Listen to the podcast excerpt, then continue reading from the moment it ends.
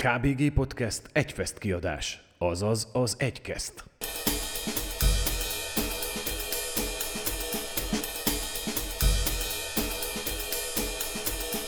Szia, kedves hallgató!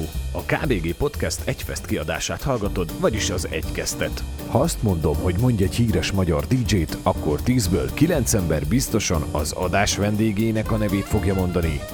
A magyar DJ legenda, a lemezlovasok atya, DJ Palotai on the stage.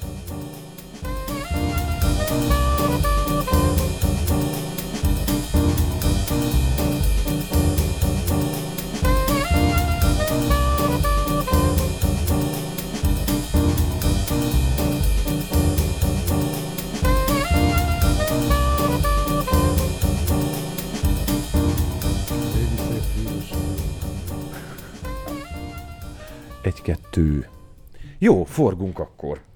Menj. Szervusz. Palotai Zsolt előttem a mikrofon előtt. Um, DJ Palotai, ugye? Nyilván. Az jutott nekem először eszembe, amikor uh, megtudtam, hogy veled beszélgettek, hogy van egy DJ-nek, vagy neked van valamilyen rituáléd a bulid előtt? Szoktál valamit csinálni, ami, ami hogyha elmarad, akkor úgy nem esik jól a buli? Nem. Nem vagy, nem vagy ilyen rituális fajta? Soha nem, Nem. is volt ilyen? Soha. Tehát te az a fajta vagy, aki ül még az asztalnál, aztán felpattan és nyomja a bulit? Körülbelül. Körülbelül igen? Bocsi, csak egy picit még a mikrofont azért. Úgy, igen, hogy nyugodtan húz magadhoz. Ez az. Körülbelül igen. Uh-huh. Nem, ne, nem. Vagy én nem tudok róla. De nincs. Nincs ilyen. Hát igazából az, hogy a színpadon amennyit látnak, az körülbelül a 20%-a annak, amit különben azért csinálok. Ja, Tehát, nyilván. hogy napi 8-9 órát minimum kutatással foglalkozom, és most a helyzet az már annyira durva, hogy csak a rádióműsoromat, hogy összeszedjem a heti három órát, szerda egy, szombat kettő, hogy találjak annyi zenét, ahhoz ma hát három-négyszer több időt kell eltöltenem. Hogy, hogy, mi, hogy gyűjtesz? Hogy gyűjtök? Hát csak az e-mailjeim az napi másfél óra. Ú, de hogy küldik neked, vagy erre gondolsz? Igen, hát Tehát, ilyen promóirodák. rengeteg meg- promót kapsz, tehát rengeteg promó zene jön be hozzád, amikből aztán azt mondod, hogy na ezzel, ezzel én foglalkoznék, vagy érdekel? Igen, és azt is csak úgy tudom letölteni, hogy meghallgatom, írok róla, visszaküldöm, és akkor tudom letölteni. Ah. Tehát nagyon sokat kell hallgassam. Uh-huh. Mi fog meg először, vagy mi, mi az, ami alapján azt mondod, mitől jó szerinted ez a zene? Hát azért ne, nekem annyiból nehezebb dolgom van, hogy 33 éve ezt csinálom, tehát felhalmozódott. Neked már nehéz újat mutatni? Igen. Uh-huh. Vagy, vagy olyat, ami valamennyire karakteresebb a többitől, vagy, vagy egyszerűen csak azt érzem, hogy ez jó. Uh-huh. És hát ez sokkal nehezebb, mint annak, aki most veti bele magát, és neki minden új. Milyen, mi kell ahhoz, hogy Palotai pörgesse a zenémet? Vagy bárkinek a zenéjét? Tehát mi, mi, mit kell érezned ehhez? Hát nehéz megmondani, de, de mondom, hogy valami megfogjon be, be, benne, vagy, vagy legyen benne valami olyasmi, ami másban nincs. Ilyen libabőrös érzeteket keresel ilyenkor benne? Tehát, hogy, hogy nem tudom, ilyen libabőrös legyél, amikor hallod azt a zenét? Igen, de több fokozat van itt is. Tehát, hogy először meghallom mondjuk, a, a, a, amit küldenek, akkor ö, berakom a gépbe,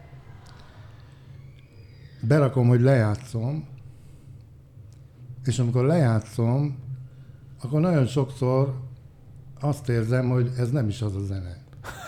Mert ha itt külön meghallgatsz egy zenét, és uh, ahhoz képest, hogy benne van egy mixbe, tehát uh, uh, más zenékkel együtt, uh, akkor teljesen megváltoztatnak a hangsúlyok, amit elsőre, hogyha csak úgy meghallgatod a zenét, nem is veszel észre. De volt olyan is, hogy gondoltam, hogy hú, ez biztos, hogy szuper lesz, aztán lejátszottam, és, A buli nem adta azt az olyan. és semmi. Uh-huh. És van úgy, hogy szinte fel se ismerem azt a zenét, amit, amit otthon meghallgattam és lejátszottam, hogy az mit tud. Tehát, hogy olyan környezetbe kerül, ami teljesen megváltoztatja magát a zenét. Mert nem mindegy, hogy mi van előtte, mi van utána. Olyan lehet, hogy neked nagyon az volt, de a közönséged egyáltalán nem veszi? Há, hogy. Olyannal sokszor találkoztál? Há, hogy nem. Hát figyelj, hogyha azért, azért két, két karakteres különbség van mondjuk a régmúlt meg a most között, hogy régen nagyon sokan azért jöttek el egy buliba, hogy mutassak valami olyat, amit még nem hallottak. Ja, mert akkor még egy ilyen, ilyen adatközlő voltál, ugye? Tehát, hogy Igen. nagyon kevesen jutottak zenéhez. Igen, főleg a, a időben. Tehát, hogyha én megkapok egy zenét két-három hónappal a megjelenés előtt, Uh-huh. akkor, akkor azt nyilván még nem hallották. És, és ez teljesen megváltozott onnantól, hogy tulajdonképpen, tulajdonképpen a közönség vett át az irányítást. És, és ha nem azt kapják, amit várnak, akkor ez, azt szoktam mondani, hogy a megfelelő helyen, a megfelelő időben a megfelelő zenét kell lejátszani. És mit tudok kezdeni az adott helyen, az adott közönséggel. E, Szóval ez teljesen megváltozott. Mesélj Az, hogy én mit akarok, az igazából már nem sokat jelent. Uh-huh. Mert, mert van egy elvárása a közönségnek, hogy ha téged hallgatnak, akkor mit várnak. De ez persze bulitól is függ, mert eh, nyilván egy eh, house buliba nem nagyon lehet más játszani, csak house-t. Viszont a, ami a nehezebb dolog, és, eh, és eh, mert ugye, hogyha valaki hip-hopot szereti, és elmegy egy hip-hop buliba, valószínű jól fogja magát érezni. Uh-huh. De egy olyan zenével buliztatni az embert, a, a, amit nem is szeret, sőt, utálja, na az, az már Ez kihívás. kihívás. Aha. Hát emlékszem, amikor utoljára volt a Rewind a Korvintetőn, akkor odajött hozzám egy fiú, és buli után, és mondta, hogy hát ő köszöni az elmúlt öt évet, mert hogy ő csak öt éve volt jelen ezeken a bulikon. És akkor kérdeztem tőle, hogy de hogy kerültél oda? És mondta, hogy Miskolcról jött, és a haverjai szóltak, hogy gyere el velünk egy buliba. És akkor föl, fölhozták a korvintetőre, Rewindra, és azt mondja, hogy én akkor ilyen nagyon durva dubstepeket játszottam, amit ő gyűlölt. Két hónapig. És két hónap után rájött, hogy basszus, ez jó.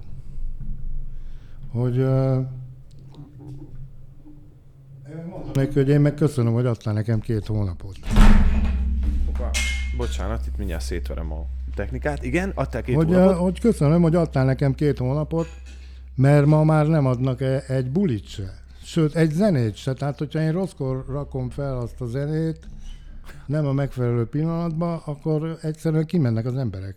Főleg egy fesztiválon, ahol átmennek egy másik színpadra, tehát nagy a jövés-menés, és uh, egy zenével el lehet csúszni teljesen. Tönkre mehet az egész bulid miatt. Na most gondold el, ez a fiú adott nekem két hónapot. Hú. És olyan, olyan zenével, zenét szeretettem meg vele, ami, ami gyűlölt. Te alapvetően milyen arcnak tartod magad? Ugye azt mondtad, hogy akkoriban dubstepet nyomtam. Te amúgy, ha saját magadnak kellene egy bulit csinálnod, úgy, hogy te állsz a pult előtt, akkor mit hallanál szívesen? Hát e, e, e, nekem azért annyival könnyebb a helyzetem, hogy van két rádióműsorom, és ugye ott nincs zavaró körülmény, tehát nincs közönség, vagy hát nem látom, hogy Ez, jó? Milyen? Ez zavaró körülmény a közönség? Van úgy, igen.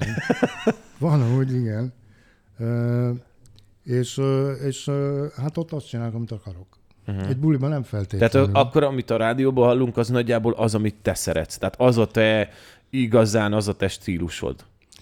Hát még ezt sem mondanám, mert ugye én mindenevő vagyok, tehát nem sok zene van, amit nem hallgatok meg, és, és azért ebből a szempontból könnyebb dolgom van még a rádióban is, mert van olyan műsor, hogy olyat legközelebb három-négy hónap múlva tudok csinálni. Mert egyszerűen annyi idő alatt gyűlik össze annyi zene, abból a stílusból, hogy, hogy az kitölt egy órát. De amikor egy új zenét hallasz, akkor már hallod a helyét egy setben? Az a durva, hogy én otthon soha nem gyakorlok. Tehát uh-huh.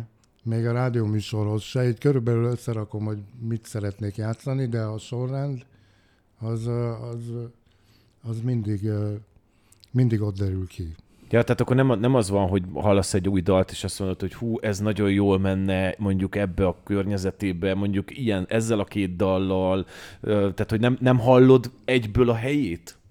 Hát de, az, mondom, amikor összerakom a rádió műsorhoz, hogy mit fogok játszani, vagy hogy miből, tehát mondjuk elviszek 40 zenét egy órára, ugye abból marad körülbelül 13-15,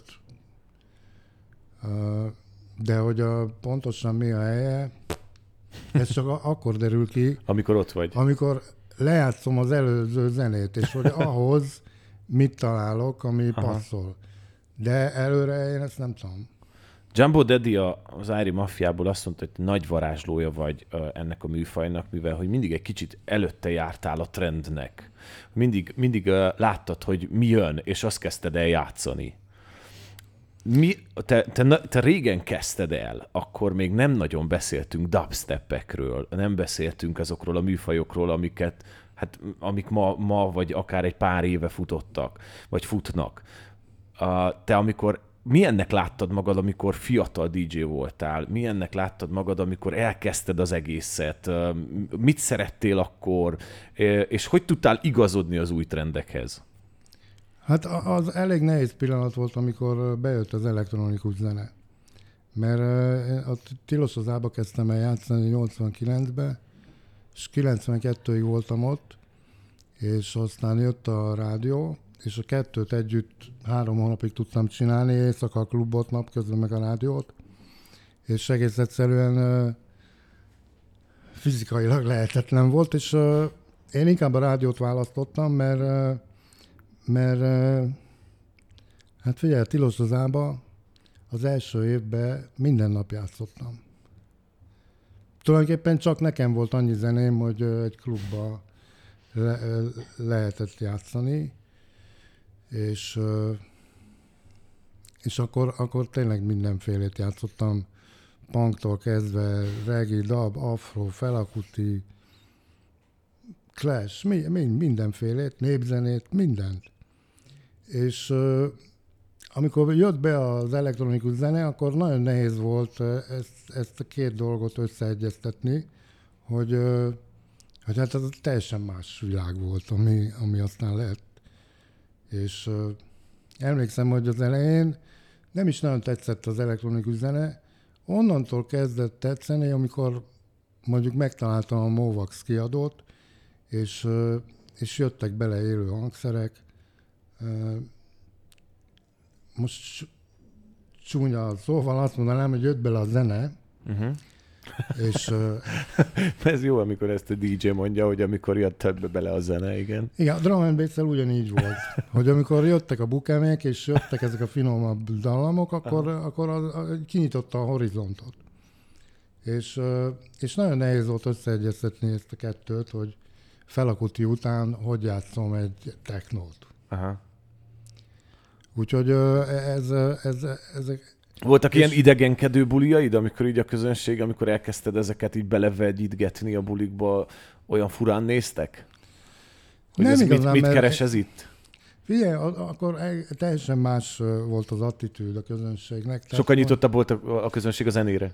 Mindenre. Hát hmm. én emlékszem, hogy az első bulik azok, hogy koncertek után voltak az FMK-ban, mondjuk a korai öröm koncert után, uh-huh és akkor odahoztak nekem egy rendes lemezjátszót, egy MK2-est, és a második, másik oldalon pedig egy hifi toronynak a tetején a lemezjátszó, Aha. és hát hogy, így, hát hogy lehet így játszani? És ilyen automata volt a kar, tehát akkor meglökték a pultot, Akkor ugrott. akkor elemelkedett Ja. a kar, és visszament a helyére. És akkor kiabáltak az emberek, hogy nem baj, bazd meg, nyomjad, belefér. Jó, De a ilyet, más, ilyet más. ma nem, nem tudsz elképzelni, hogy csak egy technikai malőr van, és Már leáll a buli, mert hazamegy, mert nem tetszett neki. ilyen nehezebb, nehezebb ma. Szóval eh, egész, Milyen- egész más volt. Milyen habi, habitusú kezdő DJ voltál? Nem is gondoltam magam DJ-nek, mert Mikor, Mert- mikortól mondtad azt, hogy akkor te egy DJ vagy? hát mondjuk nem is volt DJ nevem. Tehát én Palotai Zsolt voltam a Tilosozából. Uh-huh. És emlékszem az első bulikra, amikre hívtak, én utána évekig nem játszottam csak a rádióban. Uh-huh. Tehát az első bulik, amikre hívtak, az ilyen 94-95 körül, a Tituszék, meg a Tádé, és akkor nekik az volt a nevük, hogy DJ Titus, meg DJ Tadeusz. És ilyen eszét partikat szerveztek, és kérdezték, hogy mit írjanak ki. Hogy én ki vagyok. És akkor mivel apám oldaláról szlovákok meg lengyelek vagyunk, ezért apám Békés Csabai Tótok voltak, úgyhogy az én nevem az DJ Totus lett. Titus Tadeusz Totus. Ez így ilyen három-négy bulin így volt, aztán mondtam, hogy na jó, ezt felejtsük el. És onnantól lettem DJ Palotai, de, de vannak ilyen szórólapok. De én most nem a nevedre gondolok, hanem hogy ugye azt mondtad, hogy az elején nem gondoltad magad DJ-nek, vagy nem tartottad magad DJ-nek. Mikortól tartottad magad már DJ-nek? Igazából most sem. Most sem? Tehát, hogyha én magamról mit gondolok, akkor ö, legkevésbé tartom magam művésznek vagy, vagy DJ-nek, leginkább médiumnak. Tehát nagyon, nagyon sok példát tudnék mondani, hogy, hogy mi, mi, miért, miért gondolom én ezt. És, és igazából rajtam átfolyik a valóság, és a személyiségemen keresztül próbálom ezt értelmezni. De a legtöbb esetben, hogyha mondanék ilyen példákat, akkor tulajdonképpen én nem is tudtam róla, hogy mit csinálok. És ez leginkább születésnapokhoz kötődik, hogy mondjak példát, a lányom születésnapja, apám születésnapja, anyám születésnapja. Ezek mind olyan meghatározó élmények, egy-egy születésnap. Tehát a lányom, ahogy született, az ő ugye Párizsban született, mert francia feleségem oda ment szülni, hogy értse az orvosok nyelvét. És mindig azt mondta előtte, hogy még nem volt gyerekünk, hogy biztos, hogyha ő hogyha lesz gyerekünk, és szülni fog, akkor én valahol játszani fogok. És akkor ő majd oda telefonál, és milyen jó lesz az embereknek, akik a buliban vannak, hogy én a Neked buliban, született egy lányod. buliba tudom meg, hogy született egy lányom. És meg is volt a jegyem, hogy körülbelül az időpontra, hogy be volt lőve, hogy mikor fog szülni, de előtte volt az első dzsungel buli a fővárosi nagy cirkuszba, ahol egyedül játszottam egész este, mert hát akkor körülbelül nekem volt annyi lemezem, hogy egy, egy teljes bulit. Le tudtál nyomni De vele. emlékszem, hogy minden lemeznek a B oldalát is le, lejátszottam, hogy elég zene legyen. Beleférjen, aha. És,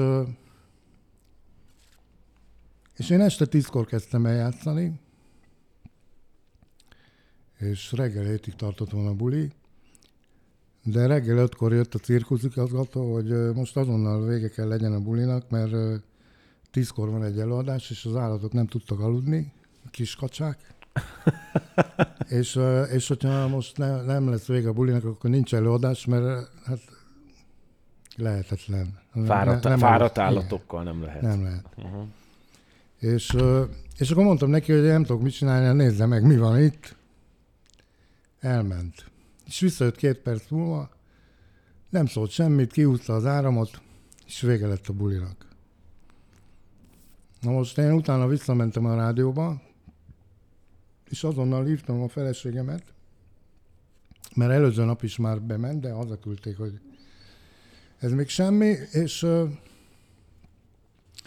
tárcsáztam, nem vette föl senki, és így folyamatosan tárcsáztam, és ott elaludtam a fotelba. És délbe ébresztett a Laki, hogy ki a színetipet csinálta később. A Zsolt, ébredjél, megszületett a lányod, és így, meg úgy, meg amúgy. És akkor utána összeraktuk a történetet, és kiderült, hogy a feleségem este tízkor ment be a kórházba, akkor, amikor én elkezdtem játszani Budapesten, Aha. és a lányunk születési időpontja az 5 óra 1 perc, amikor Budapesten a... kihúztam. Aha. Tehát én akkor, amikor benne voltam és csináltam a bulit, én ezt nem tudtam. Csak utána, hogy összerakod, akkor derül ki, hogy hát basszus, ez, ez nagyon, nagyon durva.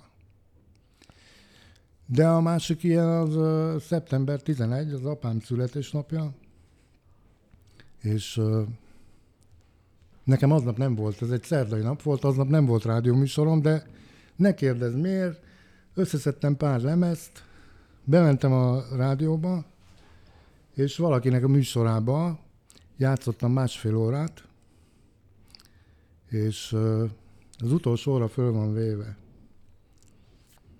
És végeztem, fogtam egy taxit, hazamentem, és hallom a rádióban, hogy valami gáz van New Yorkba, bekapcsoltam a tévét, és a második repülőt láttam beszáll, beleszállni a tornyokba. És persze utána én el is felejtettem, hogy a rádióban voltam, tehát a, figyeltem egész nap, hogy mi, mi, mi történik, és rá egy hétre megtaláltam a minidiszket, ami föl van véve a műsor. Milyen jó hangzik ez és, a minidiszket, igen. És mivel én nem előre rakom össze a műsort, mindig utána csinálom meg, hogy mit játszottam, a playlistet, és ahogy írtam a, a zenéket, hogy mit játszottam, kiderült, hogy hát lejátszottam a történetet, hogy mi, mi fog történni. Én negyed órával az első becsapódás előtt hagytam abba a műsort. És a kulcslemez az masszív atak, karmakóma, de nem az eredetit játszottam, és hogy miért fontos, hogy én Budapesten magyarként csináltam meg ezt a műsort, mert egy, egy olasz zenekarnak a remixet játszottam, az Alma Megretta, Alma ugye az Big Apple, az New uh-huh. York. Uh-huh. Hát ott a történet. És minden egyes szám kapcsolódik a történethez. És amikor ezt így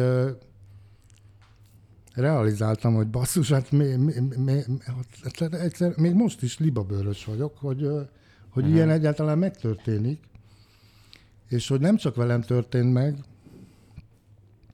hanem nekünk egy jó barátunk a Bertrand, aki a leg leg, legnépszerűbb francia rockzenekarnak az énekese, a Noir Desirnek, és a Bertrandék már három éve nem csináltak semmit, már mind nagy lemezt, és tehát egy évvel előtte vették fel ezt az anyagot, ami szeptember 11-én jelent meg. Tehát aznap jelent meg, amikor Aha. a tornyok ledőltek. Túl sok a véletlen. És, és és a borítóját egy magyar képzőművész csinálta, a Franyó. Ha azt megnézed, már ez is arról a napról szól, de van egy szám, a Grand Incendi, a nagy tűz, ahol a Bertrand megénekli ezt a napot. Ég Babylon, ég New York, ég minden. És, és akkor kérdeztem tőle, hogy Bertrand, hol írtad ezt a számot? Mert az egyik felét a nagy lemeznek Dél-Franciaországba vették fel a stúdióba, de a másik felét az New Yorkba. És mondta, hogy New Yorkban, ott voltak a stúdióban, elege lett minden, mindenből elment sétálni a városba éjszaka, visszament a város, a stúdióba, és megírta ezt a számot. Egy évvel előtte. Csak aznap jelent meg. Tehát akkor innen tartod azt, hogy, hogy te egy zenei médium vagy ebben? Mindenképpen. És akkor kérdez, meg, megmutattam ezt a Hartobágyi Laci barátomnak, a zeneszerzőnek, eh, hogy, hogy ez hogy lehet. És akkor mondta, hogy de Zsolt, teljesen normális. Te, amit csinálsz, az a mostról szól. Hát ki, hanem te tudod, hogy mi van. Hát akkor, akkor Jumbo nem tévedett olyan nagyot, hogy egy kicsit ilyen a trend előtt jársz. Hát inkább mondom, azt mondanám, hogy a, a, a jelenben, tehát a most, mindig a mostról szól. Uh-huh. Tehát ha nem erről szólt volna, akkor soha nem játszottam volna 90-es évek elején drum and bass uh-huh. nem játszottam volna dubstepet még, még, még senki, trappet még senki, kaptam is érte, ne félj, a dubstepért is, meg a trappért is. Aha. Mert ugye akik szeretnek, azok, azok azt szeretnék, hogy te olyan maradj, mint amikor megszerettek. Tehát, hogyha én változom, akkor azt is mondhatnám, hogy a legnagyobb gátja az, hogy megújuljon egy zenész, az a saját közönsége. De nehéz ügy. Hát így egyensúlyba kell tartani a múltat, meg a jelent. Persze volt, volt olyan időszak, amikor egyáltalán nem foglalkoztam a múlttal, tehát az, hogy mi volt. Uh-huh. De aztán rájöttem, hogy hát ez a régi közönségemben szemben nem szép dolog. Úgyhogy mostanában sokat játszom régi zenét is. Meg hát igazából akkor nyúlnak mindig vissza a múlthoz a művészek, amikor nincs mit mondani. Akkor jön a retro. És most... És most a retrót éljük most nagyon. Basszus. Így van. Igen. Amikor nincs mit mondani. De ez miért van? Vagy ez miért? Miért, miért, miért van ez így? Aha. Nem miért tudom. nincs amit mondani? Hát lenne mit mondani, csak azok nagyon csúnya dolgok. Mi vár ránk? Uh-huh. És én azt látom, hogy mint hogyha a homokba tugná az emberiség a fejét. Uh-huh. Nem, mint ha nem vennénk tudomásul, hogy mi már a gyerekeinkre. Uh-huh. Az én lányom már megmondta, hogy unokára ne számítsunk. Aha. Hát érted, ez lesz az első olyan generáció, akik nagyon komolyan elgondolkoznak, hogy mi várna a gyerekükre? Mi vár a mi gyerekeinkre? Mi vár ránk? Ez érdekes, amit mondasz, mert ugye te nyilván minden ö, időszakban azért rettenetesen figyeltél a fiatalokra. Pláne azért, mert a bulia időn is nagyon sok jelent meg. Sőt, volt egy, tehát én azt gondolom, amennyire ismerlek, vagy amennyire láttalak, hogy benned, benned is van egy ilyen jó tinédzser-szerű lázadás folyton. Persze, hát a, a legszerencsésebb, hogyha mindig gyerek marad az Mhm. ember.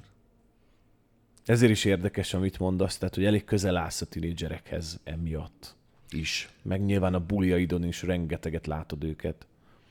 Hát sőt, megmondom neked őszintén, hogy mostanában elég, elég sok ilyen privát buliba vagyok, születésnap, esküvő, és uh, ahol vannak gyerekek, ők az elsők, akik, de hát Csíkszeredában, Uh-huh. egy hónapja. A nyáron fesztivál, igen. Hát ott az elején csak a gyerekek mozogtak, de azok viszont ezerrel. Aha.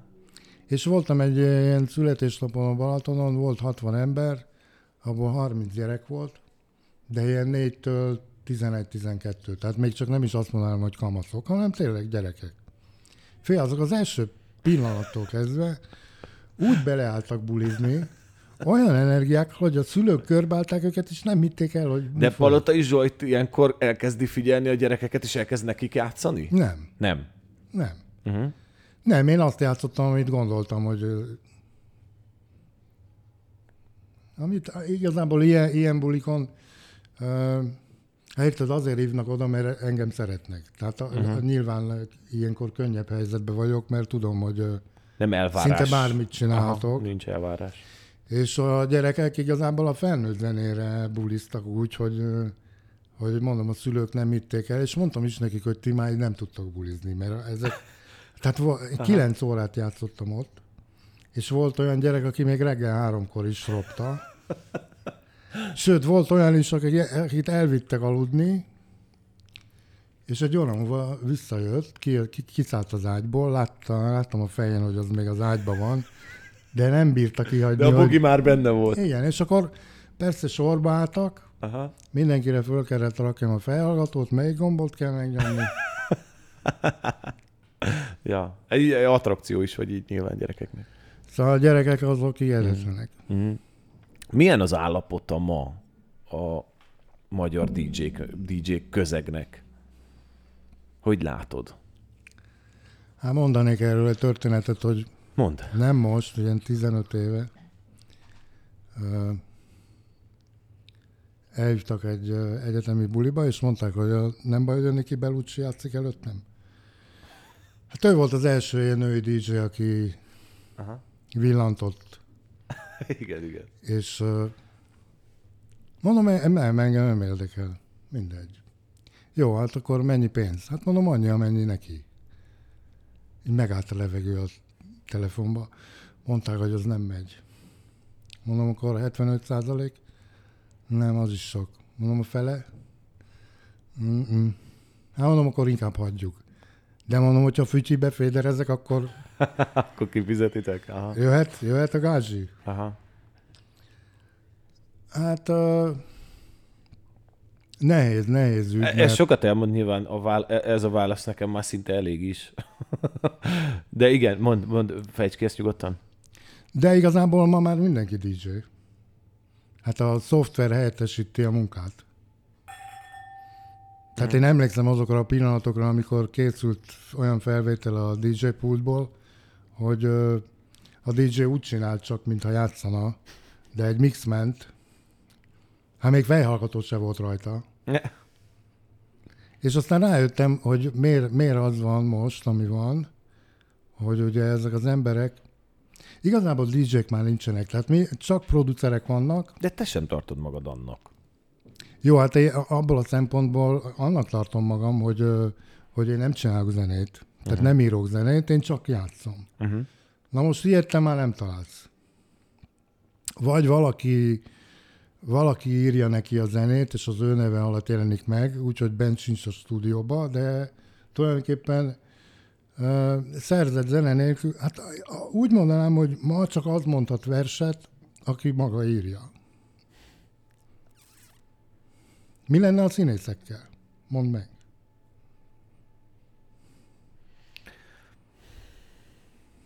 Szóval a- még a nemzetközi mezőnyben sem nagyon tudsz mondani olyan fellépőt, aki csak játszik.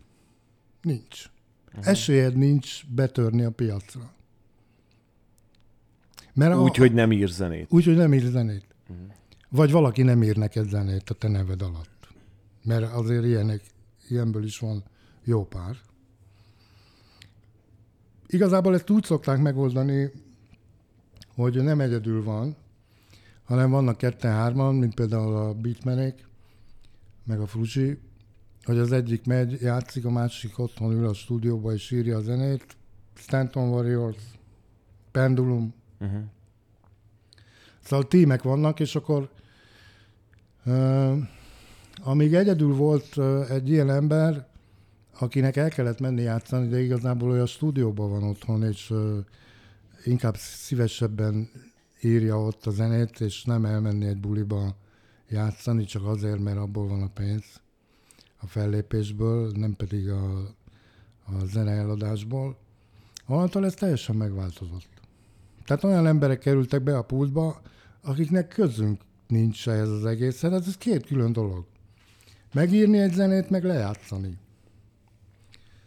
És, és onnantól ez teljesen megváltozott. Van, érzel különbséget mondjuk egy erdélyi buli és egy Magyarország buli között? Hát nekem rögtön az első nagyon furcsa volt, mert ugye mi 89 előtt ide Már havonta- jártál itt egyébként. Havonta igen. jártunk ide hozni mindent, amit csak tudtunk, gyógyszer, könyv, bár- bármi. És aztán, amikor Nikolaj meghalt, akkor utána, után 2000-ig, tehát majdnem 10 évig nem voltam itt. Mert ugye hát akkor én elkezdtem játszani, és, és az első hely, ahol hívtak, Temesvárra románok. Ja. És az egészen meglepett, hogy basszus, hát miért a románok hívnak engem? A mai napig hívnak egyébként. Most is idén az első bulim az... De hát egy DJ-nél nincsen náció, vagy van? Hogy? Egy DJ-nek van náció? Tehát a, zene, Hát a, zene, azért a az- zenénél multikultív dolog nincs a világon. Igen, de azért Erdélybe gondoltam, hogy legelőször magyarok Ja. fognak hívni, és, és nem, románok hívtak Temesvárra. Mondjuk Temesvár az, az talán a leg, legkomplexebb város Romániában. Egy nagyon erős kulturális Mi- mi- város is, igen. Tehát Így nagyon, van. nagyon, Gazdaságilag is nagyon mind- toppon van. igen. Hát nem véletlenül a forradalom is ott indult. Úgyhogy meg sok egyetemista van, tehát azért az egy más közeg. És, és ez furcsa volt, hogy románok hívnak, és az első buliba emlékszem, hogy hát jöttek innen is, mindenhonnan vonattal, kocsival, magyar zászlókkal. és, és akkor onnantól hívtak Kolozsvár, Vásárhely, Csíkszereda, és onnantól aztán beindult. De hogy nagyon furcsa volt, hogy nem, nem, nem, nem, nem Kolozsvárra hívtak, uh-huh. hanem románok Temesvárra. De hát azóta nyilván rengeteg bulit csináltál itt. Mármint, hogy Erdélyben, úgy értem. Igen, de az egyik legdurvább élményem is itt volt sajnos. Meséld el. Csíkszeredában. Akkor megoperálták a térdemet, mert ugye én sportoltam 25 évig, és hát az megviselte a izületeimet, meg mindent, és meg kellett op- operálni a térdemet, és, és ezzel az operált térdemmel jöttem Csíkszeredába, valami strandon egy ilyen faházban, nem tudom, tehát így nagyon furcsa hely volt. És ahogy léptem fel a színpadra, tök sötét volt, az egyik ö, lépcső hiányzott. És ö, beleléptem ebbe a gödörbe. Hát figyelj, pár másodperc alatt ekkorára dagadt a térdem, kértem jeget, és ö, így játszottam két órát, de az utolsó órát úgy játszottam, hogy kiabáltam folyton, hogy segítsen valaki, mert nem tudom tovább. Nem jött senki. És aztán két óra múlva lehúztam az zenét, mondtam, hogy itt ennyi volt. Úgy vittek ki a hátukon a biztonságiak, tehát nem tudtam lábra állni. És hát másnap én mondtam, akkor, akkor Bukarestbe repültem, és onnan hoztak kocsival Csíkba. Hát ez egy öt órás út volt. És mondtam nekik, hogy ne vigyenek Bukarestbe, mert nem fog tudni felszállni a gépre, mert nem tudok menni. De azt nem mondtam nekik, hogy vigyenek el Pestre kocsival, hanem annyit mondtam, hogy vigyenek el a határa. És akkor mondták, hogy hát az összes erdélyi vicc a arcomba szállt. Mondták, hogy ők még arra nem jártak, úgyhogy arra nem megyünk. De mondtam nekik, hogy de én voltam már arra, tudom az utat, menjünk nyugodtan. Nem, nem. Mondom, akkor Kolozsvár jó. Kolozsvár jó, ott már voltak, azt tudják, és akkor jó, menjünk oda. Ez mikor történt amúgy? Körülbelül. 15 éve. Aha. Szóval Kolozsvár? Kolozsvár. És akkor be, beültünk az autóba, és közben én intéztem a, a fuvart Kolozsvárról a határra, meg a, hogy valaki eljön értem a határra. És uh, kinézek az autóból, és látom, hogy megyünk Bukarestbe. És kérdezem, hogy miért erre jövünk. És mondták, hogy hát erre jobb az út. Hát gondoltam, hogy biztos valami kerülő van, nem tudom. És megint kinézek 20 perc múlva, és megint még mindig csak Bukarest. És akkor rájöttem, hogy basszus, engem elvisznek most Bukarestbe, és, és közben kurva idő volt, köd volt, esett, és mondom nekik, hogy el se fogom érni a gépet. De, de, de, mert később fog indulni a gépen, nem tud felszállni, de mondom, az, hogy be kell csekkolni, az mindegy, hogy mikor indul a gép, nem, nem, nem fogom tudni ezt megcsinálni. És hát öt perccel a gép indulása után értünk oda. Reptérre. És akkor nem szeretem elmesélni ezt a történetet, mert méltatlan az egész. Nem csak a mi, miattatok, hanem az egész. És akkor ott ültem a, repülőgé, a reptéren, most mi a fasz csináljunk? Mondom nekik, hogy nézzétek meg, hogy van-e még ma gép. És írassuk át a jegyet. És elmegy az egyik, látom, hogy ott a nagy tábla előtt áll, visszajön, és azt mondja, hogy 4322. Mondom, figyelj, ne, ne, a, ne a járatszámot mond nekem, hanem az időpontot. Azt mondja, hogy de hát ő sose járt itt. Ő nem tudja, hogy ott az a tábla az micsoda. Mondom, figyelj, visszamész, megnézed az időpontot, és akkor többet tudunk. Akkor megint elment, meg visszajött, mondta, hogy van egy este hatkor. Mondom, akkor írassátok át a jegyet. Elmegy, visszajön, és azt mondja, ez vasárnap délután volt, azt mondja, hogy hát a következő járat, amire van hely, az kedden van. És akkor ott rájöttem, hogy én most innen sehova. Akkor eldobtam mindent, ami a kezemben volt, és mondom nekik, hogy akkor most mi van? Hát most visszavisznek Csíkba, és holnap elvisznek Kolozsvárra, vagy a határra. Hát mondom, ezt miért nem lehetett megcsinálni ma? Na mindegy. Mondom, figyelj, mondom, én vissza nem megyek most még öt órát Csíkszeredába. Egy gyógyszert nem adtak, semmit. Azt mondták, hogy nincs gyógyszer. Mondom, fájdalomcsillapító? Nincs. Mondom, figyelj, akkor menj oda a telefonhoz, és hív fel a vasútállomás, hogy van-e vonat, mert akkor én visszamegyek vonattal. Azt mondja, hogy hát itt nem lehet fölhívni a vonatállomást. Mondom, figyelj, ne szórakozz velem, akkor már nagyon érdekes voltam. Mondom, figyelj, oda mész a telefonhoz, fölveszed, betárcsázod a, és fölhívod. És tényleg elment, fölhívta, és mondja, hogy van egy este hétkor ma. Mondom, akkor most vigyetek el légy szíves a vasútállomásra. Azt mondják, ők nem tudnak oda elvinni, mert sose voltak ott.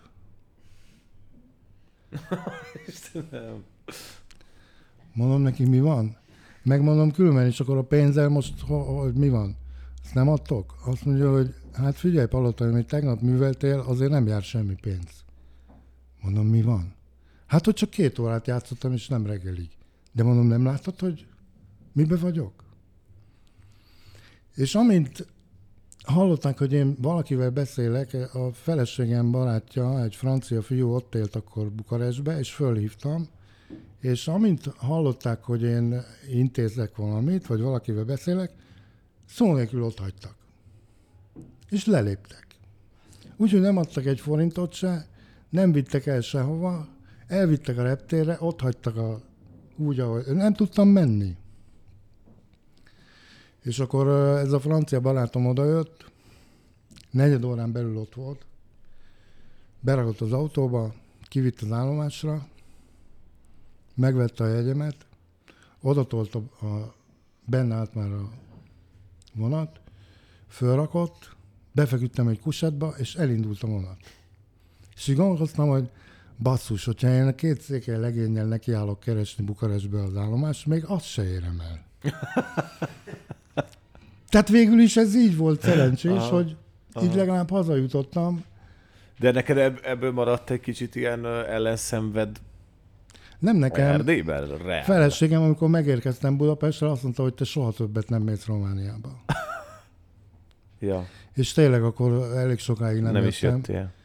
De aztán hát azóta voltam Csikba is többször. Ja, ja. Megmondták, Gyergyóban ez... nem jártál még soha. Hogy? Gyergyóban nem jártál még soha. Szerintem voltam. Voltál? Vagy kézdi, nem is tudom, vala, vala Kézdi Aha. Csíkba voltam többször is még a, ugye az elején. Hogy tetszik, a, nagyon jó Hogy tetszik itt az, az itteni vidék? Hogy? Az itteni vidék, hogy tetszik? Hát figyelj, mi ide jártunk csodálkozni. Aha. És most is, én a múlt hét végén Kecskemét környékén voltam, ahol már zöld nincs. Aha. Csak sárga. Minden, minden kiszáradva, a fű is Jó, sárga, nyilván itt minden. is így nézett ki És nagyon hosszú most- ideig. Most nálunk is a száj és volt. itt minden zöld. náluk is a száj volt, ne aggódj, náluk is ugyanígy nézett ki. Igen, de még zöld a fű. Ja, most megint zöld a fű, úgy mondom inkább. Tehát itt is sárga. Itt is minden. csúnya volt egy időszak. De itt ezen a környéken, ahogy jöttünk, Hm. vásárhelytől, mintha minden rendben lenne. De egyébként többen mondják, amikor hallanak játszani, hogy ö, azt mondják, hogy Palotai, ez most olyan, mintha minden rendben lenne. Ah, ez egy gyönyörű szép végszó. Köszönöm szépen. Legyen minden rendben ma este is akkor. Já- Játsz ma úgy nekünk, hogy minden rendben legyen. Köszönöm szépen, hogy rám szántad az idődet. Köszönöm szépen, hogy Én itt voltál. köszönöm a meghívást. Szervusz és jó új estére. Nektek is.